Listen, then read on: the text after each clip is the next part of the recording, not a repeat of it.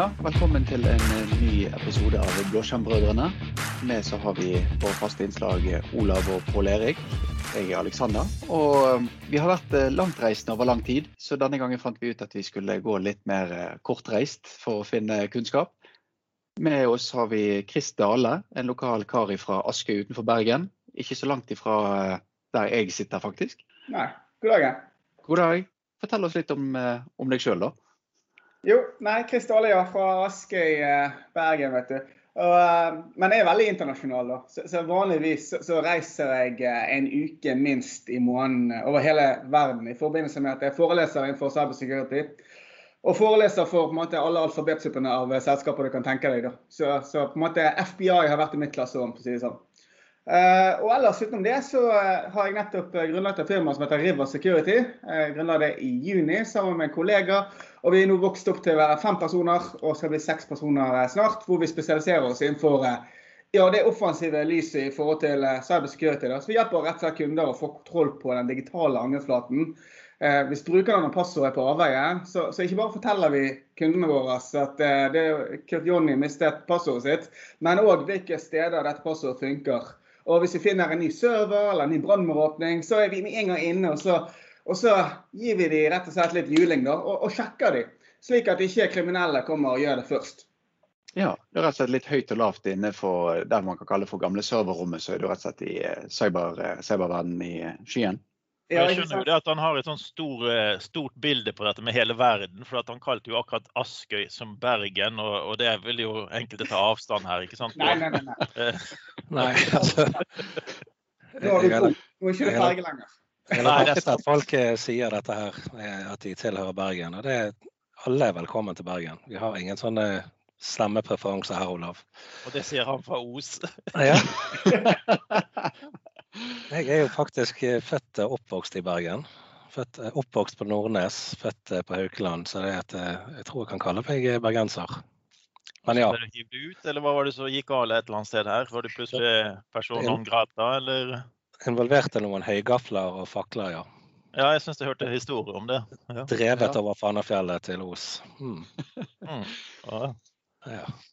Ja. Så du nevnte jo litt om, eh, litt om de tingene du gjorde, foredrag og, og forelesninger. Men, men, typiske ting er Hva er det som gjør at bedrifter blir hacket, egentlig? Hvordan kan de unngå dette, og hva er det som gjør at de Nei, det er et kjempegodt spørsmål. Det Alexander. Eh, det er veldig mange som vil fortelle deg at eh, du blir hacket ut av supersmarte kriminelle og hackere. Det er supervanskelig å drive på med dette, og det er kun de som er på en måte spesialisert og som kan dette, som kan gjøre det.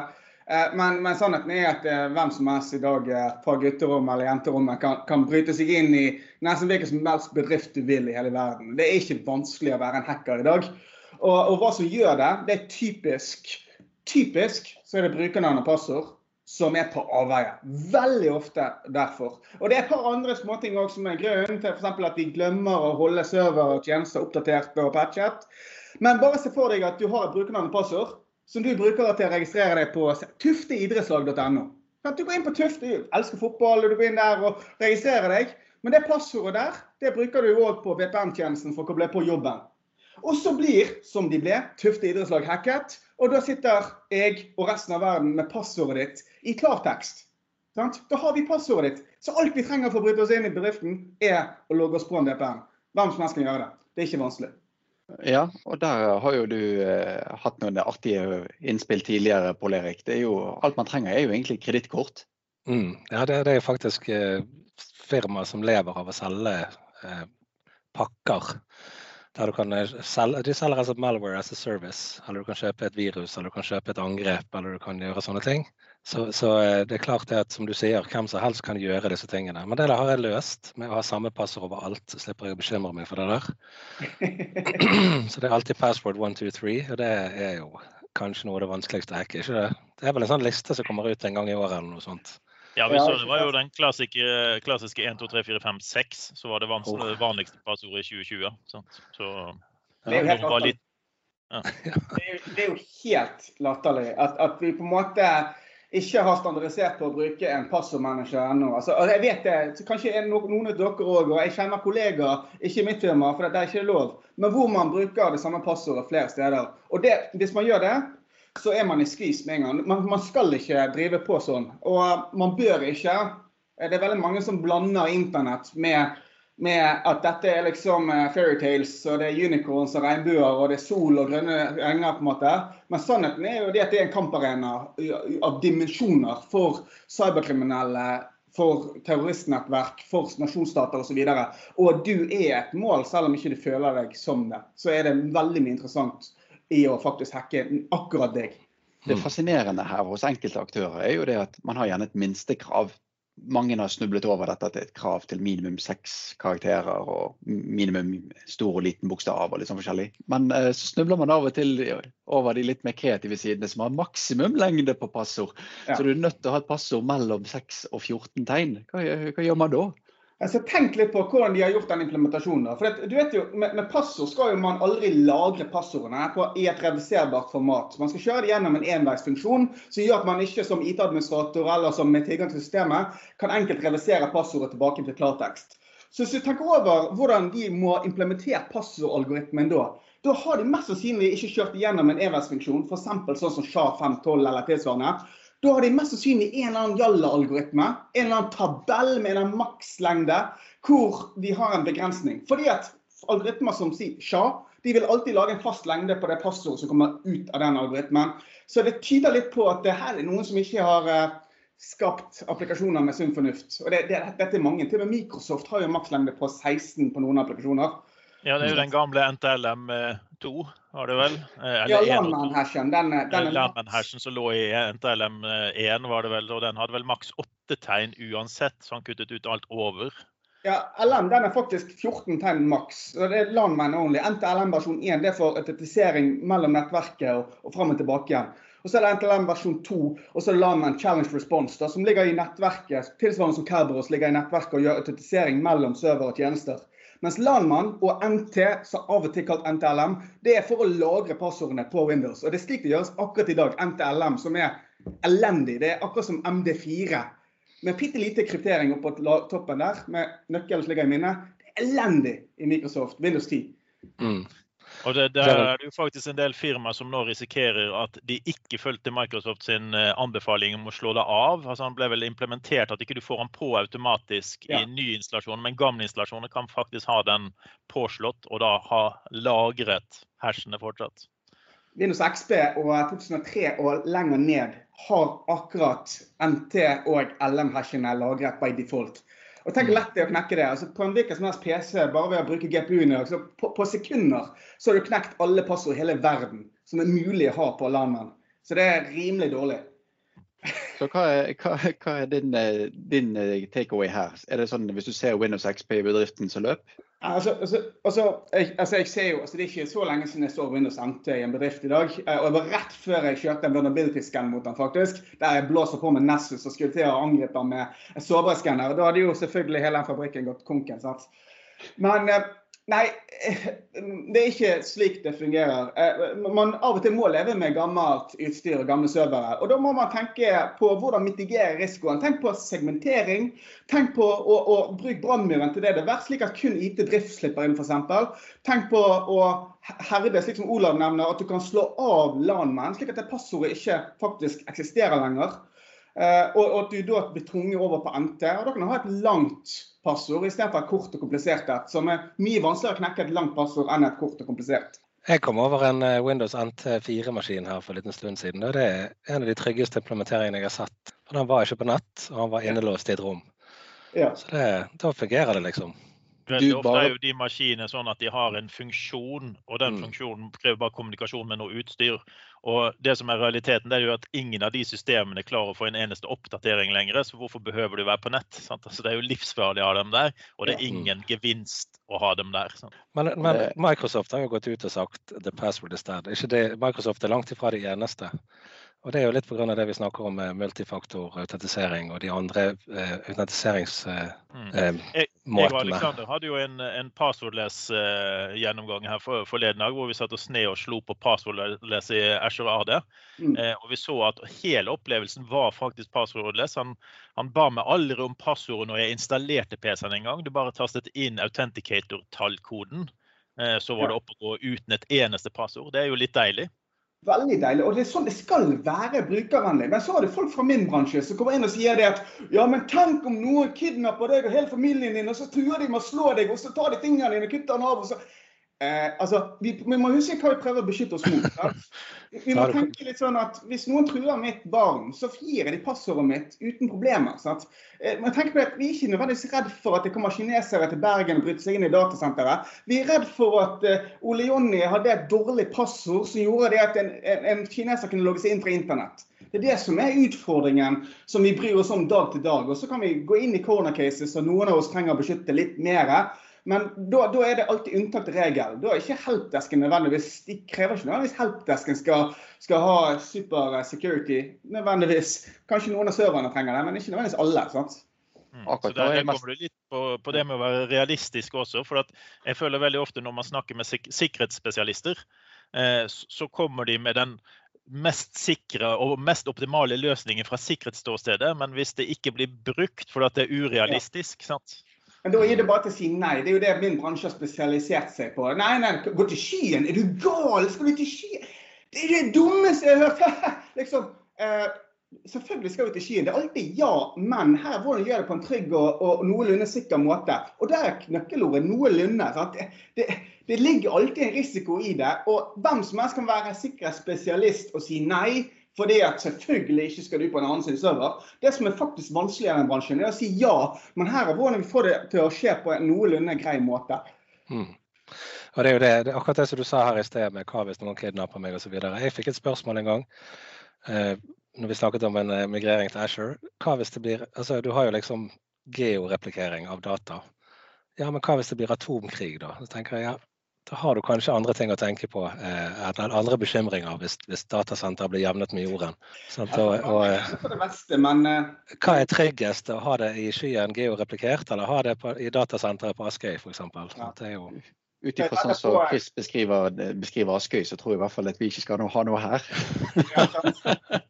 Men dere har jo sett datasenter rundt omkring der. Dere vet jo hvor mye dårlig det er rundt omkring. Sant? Hvor mye elendig drift det er. Og så kan du kjøpe deg fri fra da, gjerne patching og nettverksdriften. Du kan kjøpe deg fri fra cable management, du kan kjøpe deg fri fra veldig mye av det som ligger rundt.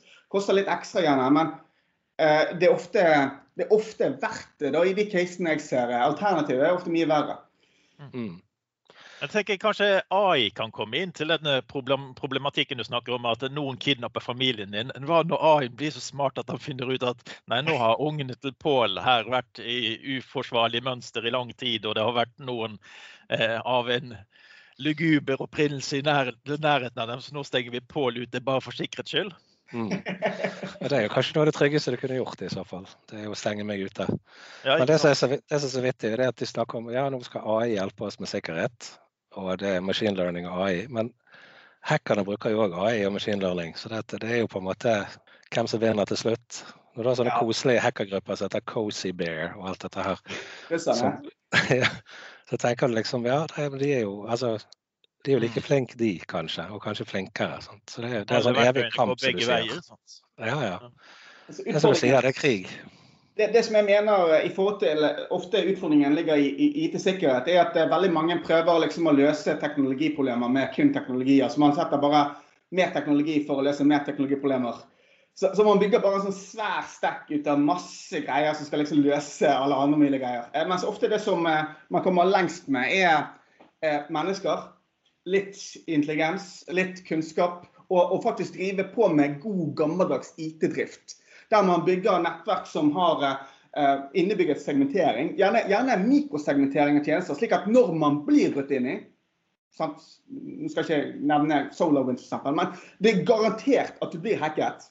Sånn at Når det skjer, så er omfanget veldig lite, og det krever veldig mye fra de som angriper deg, å spre seg videre. Og Så ser man på ting som f.eks. least amount of privileges. Prinsipper som at man tildeler applikasjonsbrukeren og databasebrukeren kun de får rettighetene som trengs for å drive applikasjonen.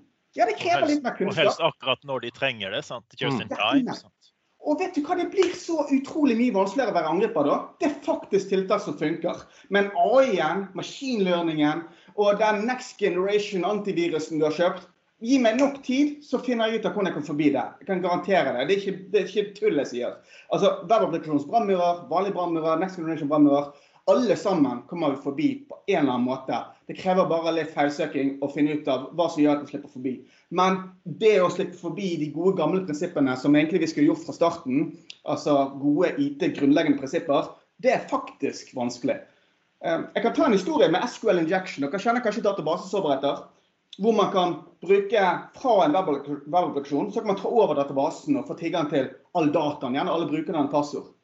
Nå har jeg hatt flere caser hvor kunder har implementert det vi kaller for least amount of privileges, slik at databasebrukeren får kun tilgang til å hente, oppdatere, slette den dataen som den applikasjonen trenger.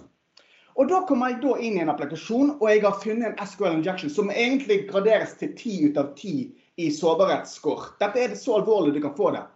Men gjennom SQL Injection så får jeg ikke tilgang til noen brukertabeller. Jeg får ikke tilgang til noen andre applikasjoner. Jeg får tilgang til den samme dataen som jeg allerede kan se i applikasjonen. Med veldig lite nytt. Og da tenker jeg, hva som har skjedd her? Nå må jeg gjøre noe feil. Det er et eller annet jeg ikke forstår her. Så jeg ringer kunden og snakker med dem, og så sier de nei, den databasebrukeren har kun tilgang til disse tabellene. Brukertabellen, jo det er jo applikasjonen som gjør autentisering som har tilgang til. Og der er ikke det SQL injection. Slik at man har på en måte fått ansvarsområdene skilt og tildelt privilegier til de som treng, trenger det. Og da gikk den scoren fra 10 ned til 5, 4,5 sånn cirka ut av 0 til 10 på skala. Det er mm. pent. ja, vi snakker vel litt zero trust her egentlig. Ja. Det er også, mm. ja, altså design, altså at man rett og slett lager tingene med en eh, sikkerhet i tanken når man setter det opp. veldig Ofte så ofte sitter man bare tingene opp, og så begynner man å sikre det etter at man har satt det opp, istedenfor å tenke hvordan kan vi gjøre dette på en trygg måte før vi starter. Men tenk i skyen. sant? Tenk, når vi profesjonerer noe nytt i skyen i dag, så får man veldig mye innebygget segmentering. Man får innebygget least amount of privileges. Spørs hvilken tjeneste du deployer. da. Men som oftest så begynner du i et secure by default interface, hvor man må åpne opp og få tillate nettverk og få tillate noen til å komme inn. Så må man begynne å åpne opp sånn sakte, men sikkert. Og Det er et mye bedre utgangspunkt enn det motsatte, der alt er bare by default åpent, og så skal man begynne å sikre og låse ned det man ikke trenger. Mm. mm. Ser jo det med, med skybaserte ting, så satte jeg forleden bare opp en, en, VM bare for å teste ut en, en, en dialogeringsproblematikk. da. Eh, og det så da at det med å sette den opp i skyen medførte faktisk at når jeg åpnet RDP på den, så fikk jeg alarm på den med en gang. Og han hadde da score eh, av ti eh, på at du har da RDP åpent. Mm. Så da får du faktisk advarselen når du jobber med det, og hver eneste gang du ser på ressursen. I motsetning til hvis du hadde gjort det på den gamle, tradisjonelle måten. ok, Vi publiserer RDP-en, og så tenker du ikke noe mer på det. sant? Jeg hadde faktisk en kunde som, som, som ble hacket. Ja, det har skjedd flere ganger, men en kunde som jeg husker spesielt godt, som ble hacket fordi de flyttet til Skien. Og de holdt på å gå konkurs. Selskapet holdt på å gå helt fullstendig konkurs pga. dette. Eh, flere hundre ansatte. Det som skjedde, er at de har flyttet til Skien, migrert én server og i Asher, um, det var i så fall sånn uh, for en god stund tilbake, da var by default RDP åpent når du profesjonerer en ny infrastructure as a service, en ny VM. RDP ligger åpent, men uh, nå så begynte de å randomise destinasjonsporten, da, slik at det ikke var denne her 3306 eh, Nei, det var MySQL, men den porten på 3389. 3389. Riktig. Så nå har de begynt å fikse litt, det er noe greit. Men da ligger da RDP åpen. Og det som skjer da etter et par timer, er at noen finner serveren, og de begynner å passordgjette. Automatisert gjette brukernavn passord. Og finner da en konto for iShare, som er sånn som det er accounting software eller noe sånt som er der. Hvor passordet var passord 123 på tysk. På password 123. Og den brukeren var domeneadministrator. Mm. Så på under 24 timer så var samtlige servere i hele sjappen, med få unntak, kryptert på disknivå. Da. Så det var ikke sånn filene var kryptert. Det var alle kryptert. Så, så master-bot-rekorden var overstyrt, slik at jeg fikk bare opp en melding med å sende mail til denne e-postadressen her for å forhandle om hvor mye bitcoin du skal betale. Tragisk. Så du kommer på jobb der, liksom. Jeg måtte jo kjøre et par timer for komme opp der, da. Men så, så, kommer du der, og så ser du bare flere hundre mennesker står bare der i gangen og bare Hva skal vi gjøre på det? Mm. Alt nede. Ja, det er skummelt.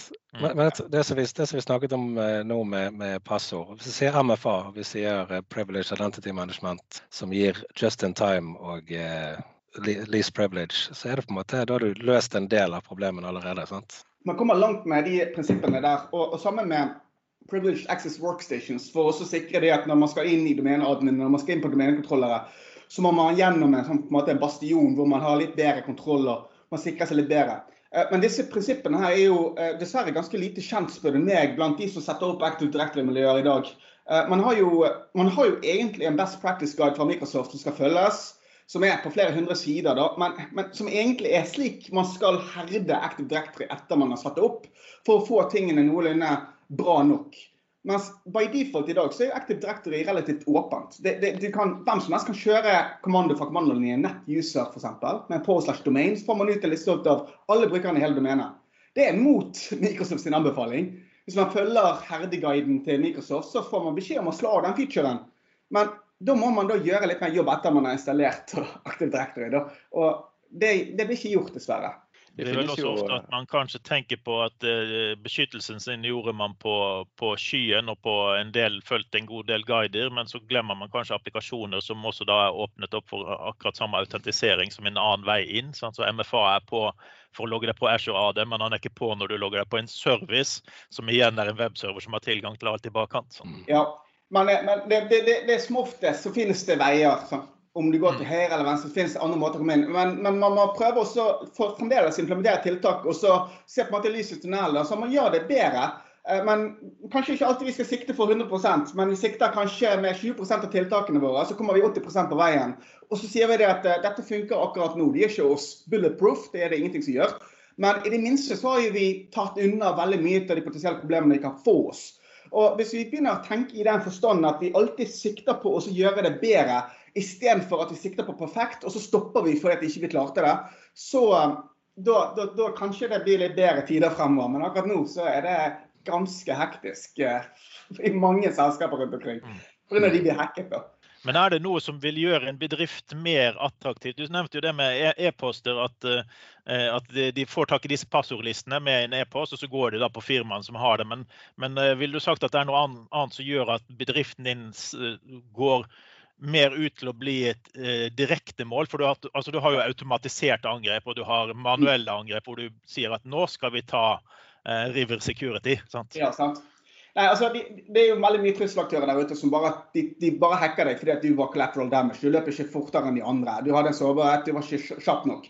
Men når du blir et, eh, et målrettet mål, så er det typisk og dette gjelder veldig ofte at du har intellektuelle verdier. Du har data, forskningsdata, intellektuell data i forhold til design, skjema, produksjonsdata som er nyttig. Det kan være forskningsdata i forhold til covid-19, vaksiner, kreftdata tilsvarende. Universiteter er et mål for nesten alle trusselaktører. Hvis du går ut og ser i trusselbibliotekene og du går ut og sjekker litt på trusselaktørene, bjørnene og pandaene og edderkoppene osv., så, videre, så ser du at nesten alle er interessert i data. Det er informasjonsstjeling og, og industrispionasje som er motivene til de fleste trusselaktørene der ute.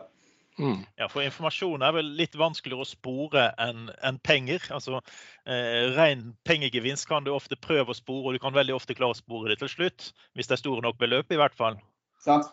Jeg, jeg, kommer jo dessverre inn til kunder som eh, Jeg sitter meg ned i styrerommet og så sier de at eh, du Chris, eh, vi må spørre deg om noe.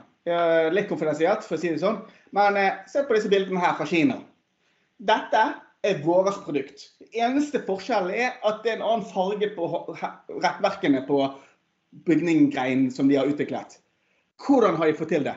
Det er identisk, bare annen farge på rettverkene. Mm. Og da må jeg bare si til dem at mest sannsynlig ble dere hacket to-tre år siden. Og ikke, Da tenker jo folk at oh, noen har liksom hacket seg inn og bare tatt over hele skiten. Nei, det kan være en daglig leder, det kan være en executive, det kan være en utvikler som hadde et dårlig passord. Noen kommer inn i e-posten. Hva tror du ligger i e-posten til folk i dag? Med, med, årsverk med arkiv og datafiler, passord, informasjon, vedlegg, powerpoint-prestasjoner, alt mulig. Så, så, det er ikke vanskelig i dag. Og dette er big business å stjele. Hvorfor gidde å utvikle noe nytt når du kan sette hackere bruke si fem millioner på å låne hackere i et par år til, eller kanskje bare et år, til å gå rundt omkring i det, verdens, eh, i det verden og, og, og, prøve å stjele istedenfor å bygge det på nytt. Mm. mm. Og Hvis de vet hvilket marked de vil gå inn for, så leier de for å gå etter ja, vi skal inn i bygningsbransjen og vi ser etter dette. sant? Mm. Vi så jo det da når eh, covid-vaksinen var masse i media og sånn òg. Det jo, økte jo angrepene for å hente ut informasjon om det. Sånn. Så du slipper liksom unna alt forskningsarbeidet. Du bare henter oppskriften til slutt hvis du er flink eller god eller har de rette folkene. Og Det kan jo du risikere at man bruker AI mot også. Eh, mm. Hvis man vet hvilke mennesker som jobber med å utvikle vaksinene, så kan man sjekke opp i hvilken informasjon og forskningsartikler søker disse på. Hva er det de er på jakt etter og leter etter? Så du trenger ikke å vite hva de faktisk gjør på, du må bare vite hva de ser etter. Sitter du der og sier at ikke vi kan stole på AI? Hæ? Ja, David, du, du, vil faktisk da klare å hente ut hvem som eh, leter etter denne typen informasjon, og da er det dette firmaet jobber mest sannsynligvis med de tingene vi er ute etter. Ja. Så da har du mm. faktisk ikke engang begynt et angrep, du har bare skannet terrenget. Så. så. med en gang så har man egentlig gjort alle søkemotorer til et eh, potensielt trussels, uh, trusselsbilde. Og så er det litt morsomt nå, for eh, du, du, forklarte veldig bra nå det at eh, de som er målrettet, og så hadde du alle eh, disse andre som løper akt. Så det er faktisk ingen som kan slappe av. For at de som løper saktest, de blir bare tatt med en gang. Ja. Så, så, du kan liksom ikke slappe av for at nei, vi, er, vi har ingen intellekter. Vi har bare dumme ansatte. Vi har ikke noe smart. så du kan ikke slappe av for det. For at du kan likevel være et mål av andre grunn for å bli, gå mot andre firmaer igjen. Sant? Altså, du kan være en proxy mot en leverandør.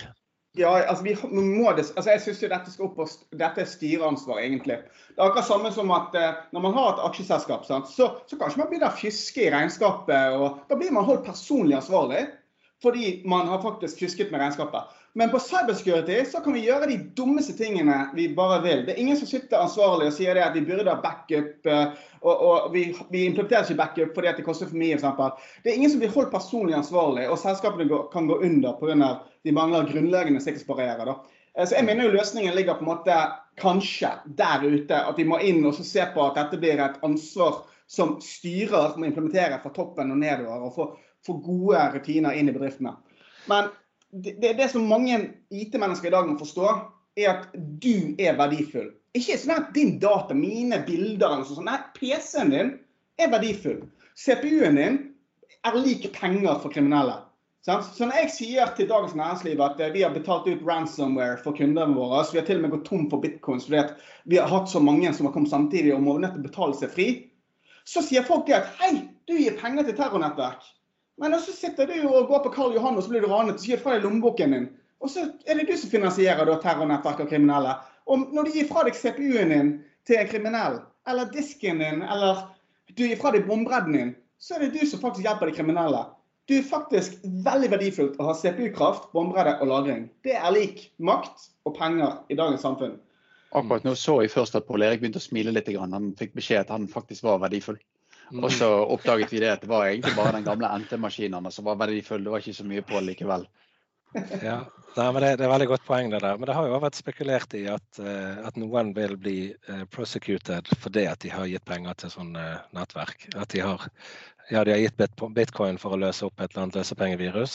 Ja. Og så kan de bli kriminelt eh, anklaget etterpå. Det det er en gigantisk elefant i rommet. Sant? Jeg anbefaler ikke å betale noe som helst. Det kommer helt an på situasjonen. Og når man sitter og holder på å gå konken og man har ikke andre veier ut Jeg har kunder som har bygget opp alt fra scratch for å unngå å betale.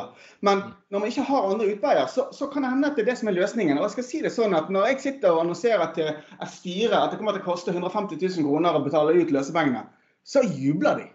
Altså, da, ja, da det, sånn. det koster gjerne fire millioner å bygge det opp igjen. sant? Så, ja. Ja.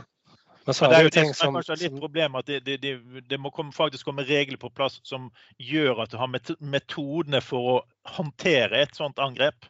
Ja. Dette må komme fra regjeringen, kanskje. Det må komme fra staten vi bor i anbefalinger. fordi det er veldig få som tør å snakke om dette i dag. Fordi de er redd for å bli saksøkt, de er redd for å bli tatt for å betale til kriminelle nettverk osv. Men jeg ser på det som jeg er veldig pragmatisk, kan meg naiv. Jeg ser på det samme som at hvis jeg blir ranet på Karl Johan, så gir jeg fra meg mobiltelefonen og lommeboken min med en gang, og så pigger jeg. Sant? Det gjør vi ikke i datasammenheng, men når vi har pistol mot tinningen, og vi har ikke andre utveier, og vi blir tvunget til å betale et par hundre tusen, kanskje. Det er ikke alltid det snakk om gigantsummer. Så skal jeg si det sånn at veldig mange kommer til å ta den utveien, og det er kanskje til og med den smarte utveien å ta. Mm. Kanskje det er òg en eh, skikkelig skummel eh, angrepsmetodikk hvis man finner rett angriper. Så vet de det at eh, Chris har gjerne ikke, eller Blåskjermbrødrene har, eh, de har muligheter til å betale 10 000 kroner for å, få dekryptert alle podkastene sine, men vi har ikke råd til 10 millioner. Ja. Så det er liksom å finne den gylne summen for hvor mye arbeid er det for Blåskjermbrødrene å spille inn alle podkastene på nytt, versus det å betale løses, løsepengesummene. Så det å finne masse små angrep, eller masse små beløp, er gjerne viktigere enn å ta den ene store.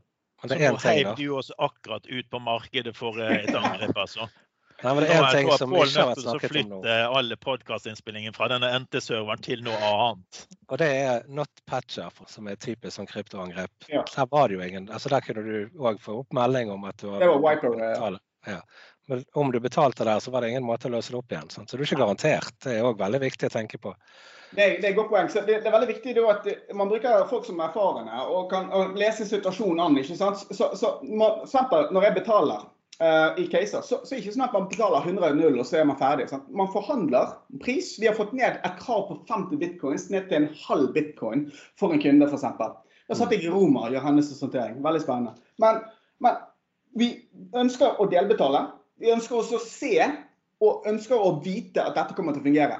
For så var det en gang jeg ba om også, jeg er nødt til å se at dette fungerer, så jeg ber om kryptonøkkel for servernummer XYZ.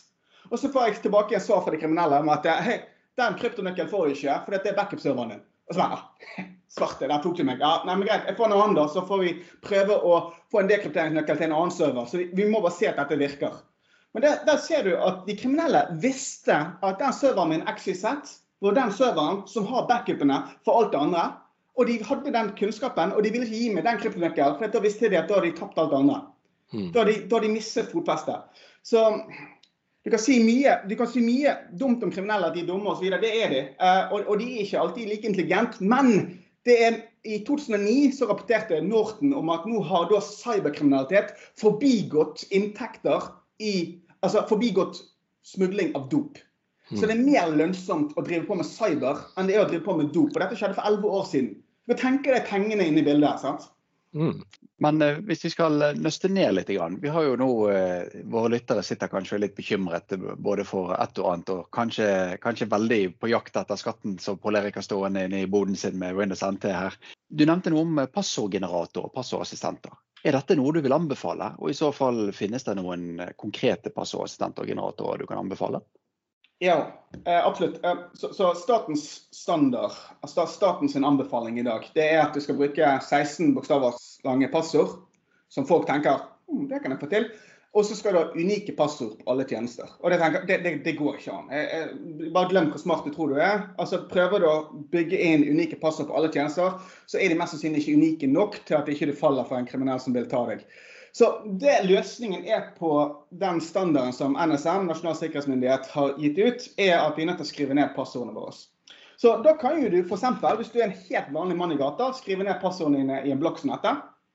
Og så er det folk i bransjen som blir helt hysteriske på meg. Så tenker de ja, men Chris, hva om noen finner boken din og finner passordene dine?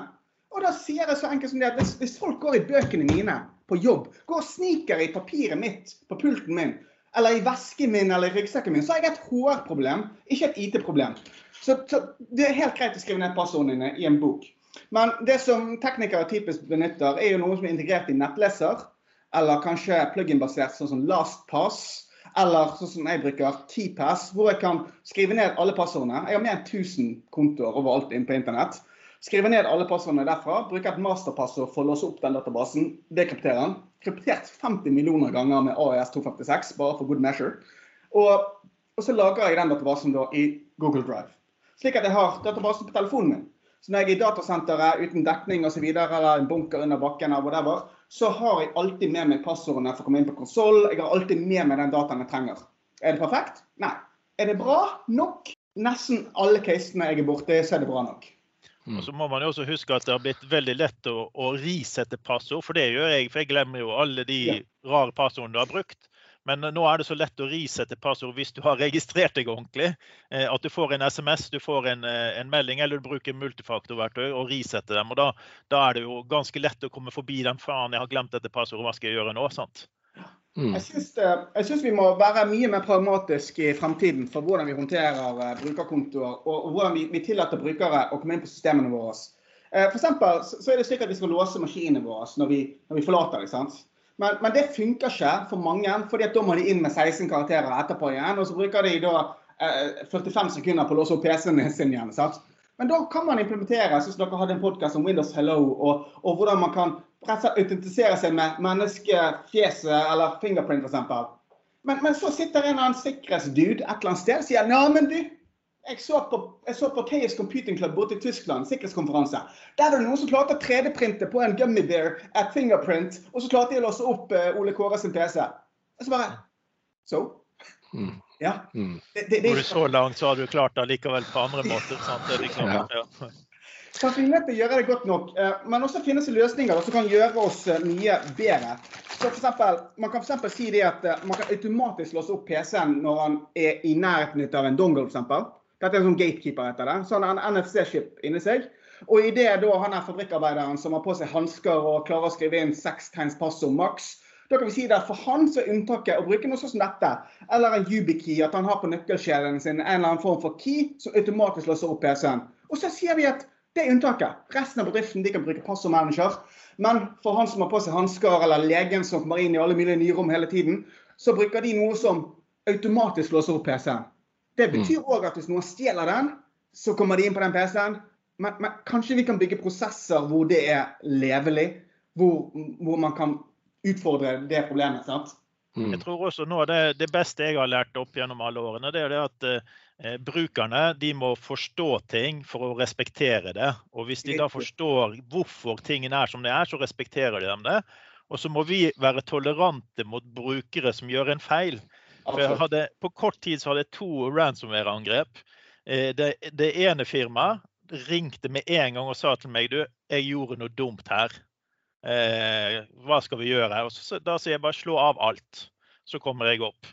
Mm. Et annet firma de lot være å si noe, for det var litt flaut. Og de turte ikke å ringe IT-avdelingen. De jobbet i månedsvis med å komme seg ut av dette her. Mens de som sa ifra med en gang, de brukte vi et par døgn på å få opp og gå igjen. Så, mm. så, ikke bli sint på brukere, for det er menneskelig å gjøre feil. Og hvis du blir sint og brukerne føler at de kan ikke innrømme en feil, så vil de aldri, aldri innrømme en feil. Det er en menneskelig reaksjon. Jeg òg det er fantastisk tale der, Olav. Det, det var bare, bare bøye meg i støv, for det er helt spot on. Og vi har gjort feil i 20 år. Altså, vi har IT-del og sikkerhetsavdelingen spesielt, har vært sånn her eh, Nei, og, og det, liksom, det, er oss mot dere, og det bygger opp vegger. briser passordet ditt hver 30. dag, 60. dag. Og så sitter brukerne og spør seg hvorfor, og så er det ingen som har prøvd å få dem til å forstå hvorfor. Og da, mm. da må du stille spørsmål. Vi vet jo ikke sjøl hvorfor engang ofte. Hvorfor har vi det sånn? Og så er det ikke sikkert de vet det sjøl engang. Da taper man. Mm. Ja, da vil, de, da vil de prøve å finne omveier for å gjøre det lettere for seg. Sant? Rett og slett. Hvis ikke du forstår. Men, men det er en ting ja. som jeg eh, lurer litt på, du som er ute hos eh, bedrifter i verden. Eh, den, det som vi gjerne hører, det er at ja, sikkerhet er veldig dyrt. Og så sier de ja, men vi har, vi har lyst på E5-lisens, men den er så dyr. Eller vi har lyst på den brannmuren, men den er så dyr. Men så kommer det et angrep, og så plutselig så må de gjerne betale bøtter og spann mer.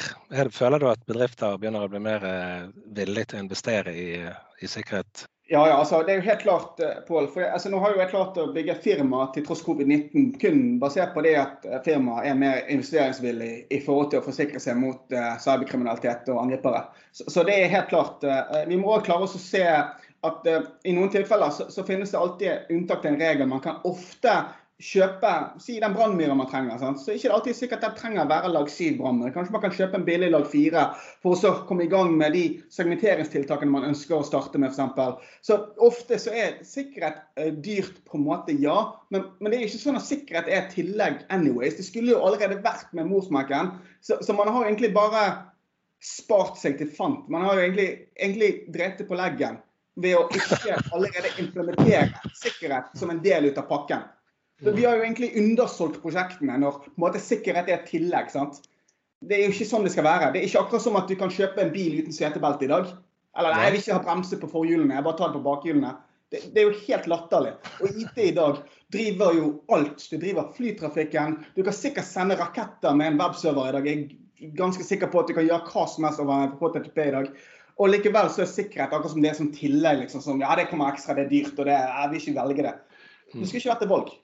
Men, men har flere bedrifter blitt flinkere til å, å, tenke sånn før de brenner seg? For erfaringsmessig har det vært det at når du først har brent deg, så bruker du penger på det. Eh, men, men føler du at, nå, at, de er litt flinkere til å tenke at det kan skje med oss, eller eh, må de fortsatt skjerpe seg? Litt blandet. og Det er jo mye mer modenhet i mange bedrifter, men det gjelder dessverre langt fra alle. Jeg føler 2020 satt litt presedens for hvor gale og hvor ille det kan bli. Det følte det var en brannfakkel for veldig mange. Men tidligere så har det vært sånn at uh, no pain, no gain. Altså Du er nødt å, å bygge ned for å bygge opp på IT, virker det sånn. Uh, du er nødt til å bli brent før du skyr ilden, på en måte. Og, og bedrifter de nekter å, å gjøre noe med det før man har fått en pentest, så tråkker vi de skikkelig hardt på tærne. Og vi tar domeneadmin og så sier vi her er innboksen til daglig leder. Han har 700 vedlegg, og han har 50 innslag med navnet eller ordet passord i seg. Dette kunne vi gjort noe veldig stygt med, mest sannsynlig. Da, da, da, begynner folk å skjønne. Mm. Litt avslutningsvis så kan man jo da spørre seg Det, het, det heter seg et litt, eh, litt interessant ordtak. Det er at smarte mennesker og smarte bedrifter lærer av egne feil. Men virkelig smarte mennesker og virkelig smarte bedrifter lærer av andres feil. Er det mm. sånn at vi ikke har virkelig smarte bedrifter rundt om, eller er man ikke flink nok til å dele de feilene man selv har opplevd, sånn at andre kan lære av dem? Det har vært veldig tabu tidligere Alexander, i forhold til også å melde fra om at man er blitt hacket. Veldig få som har hatt lyst til å gjøre det. Men heldigvis har vi et samfunn i Norge som applauderer selskap som Visma og Norsk Hydro, som, som faktisk sier det at hei, se, vi ble utsatt og vi hadde investert masse på cybersecurity, og likevel så ble vi tatt. Ler ut av oss. Og det må vi bare fortsette å applaudere. Vi må fortsette å, å takke professoren ved Universitetet i Bergen og, legen på Haukeland som, som ble svindlet for 10 millioner kroner, hva det var, fordi at hun hadde funnet en falsk date på internett og sendt penger til en falsk date. Dette er applaus. Takk for at du melder fra. Jeg har familiemedlemmer som har gått i samme fellen. Og hvis vi bygger opp bevissthet, hvis vi fjerner den tabuen om at uh, det, alle blir hacket, jeg blir hacket, River Security kommer til å bli hacket, og vi planlegger deretter, så blir det kanskje et bedre samfunn for oss fremover. Mm. Så toleranse for uh, andre sine feil, så lenge vi lærer av dem, er vel kanskje nøkkelordet der? Ja, sant. Og så må jo det, det er jo altså, Man må jo prøve også å, å, forstå at det er veldig vanskelig, IT er vanskelig. Mange enkle ideer som er vanskelig å gjennomføre ofte. sant? Og, og det er veldig sjeldent at det er på en måte oss på gulvet som er grunnen til at ikke vi har fått fikset opp i, i, driten. på en måte. Det er ofte prioriteringer som kommer lenger oppe. da. Så, så, jeg håper jo på mer og mer måte styreansvar og, og ledelseforståelse for cyberdimensjonen, slik at vi, vi kanskje får litt mer gehør i forhold til at vi, vi, trenger ikke nødvendigvis å tråkke deg på tærne og risikere jobben for å flagge et kritisk problem i bedriften. At, at vi faktisk liksom innebygger forståelse for at det er viktig å fikse opp i disse tingene. Det er veldig skremmende begrep det der med assume breach, at du, at du, skal anta at noen er inne allerede. Jeg tror det, det, det, skremmer en del eh, folk, merker jeg. Men det er sannheten. Det, ja, du kan ha den beste brannmuren og alt. Ja, det, det Assume Bridge er veldig god mentalitet, eh, og det skal man leve etter. Spesielt når man har hatt en hendelse, så må man prøve å scope hendelsen til å anta at brukeren av passord har blitt gjenbrukt lenger videre inn i bedriften osv. Eh, men, men når man har Assume Breach, da må man anta at dataen òg er tapt. Og, og det verste konsekvensen av det er at om tre-fire år frem i tid så er vi i en helt annen konkurransesituasjon i den bedriften. For da er det andre som kan gjøre det samme som vi, f.eks. eller tilsvarende. Da yes. tror jeg uh, Olav, uh, Olav, har noen ønsker her, ser jeg. Ja, nei, Vi ser jo at uh, dette her har vært en ufattelig spennende diskusjon. Og det er ingen tvil om at godeste Chris her brenner for sikkerhet på et veldig høyt nivå. Så det setter vi kjempestor pris på. og jeg er ganske sikker på at så lenge du er villig, så vil vi gjerne fortsette diskusjonen om sikkerhet en annen gang også. Ja, det er. Ja. Ja, Pål Erik er litt bekymret for at du faktisk skal finne ut hvor han bor for å ta på NT4-maskinen hans, men det kan jo være en diskusjon for neste podkast. Det er ikke farlig. Jeg har satt inn wifi-dongle i den, så du får tilgang. Chris, bare send meg eh, info, så du får det. Det finnes ikke drivere til noe på min eh, NT4-boks. Ja, tusen takk, Chris. Det var veldig interessant. Jeg setter stor pris på at du tok, tok deg tid til å være med.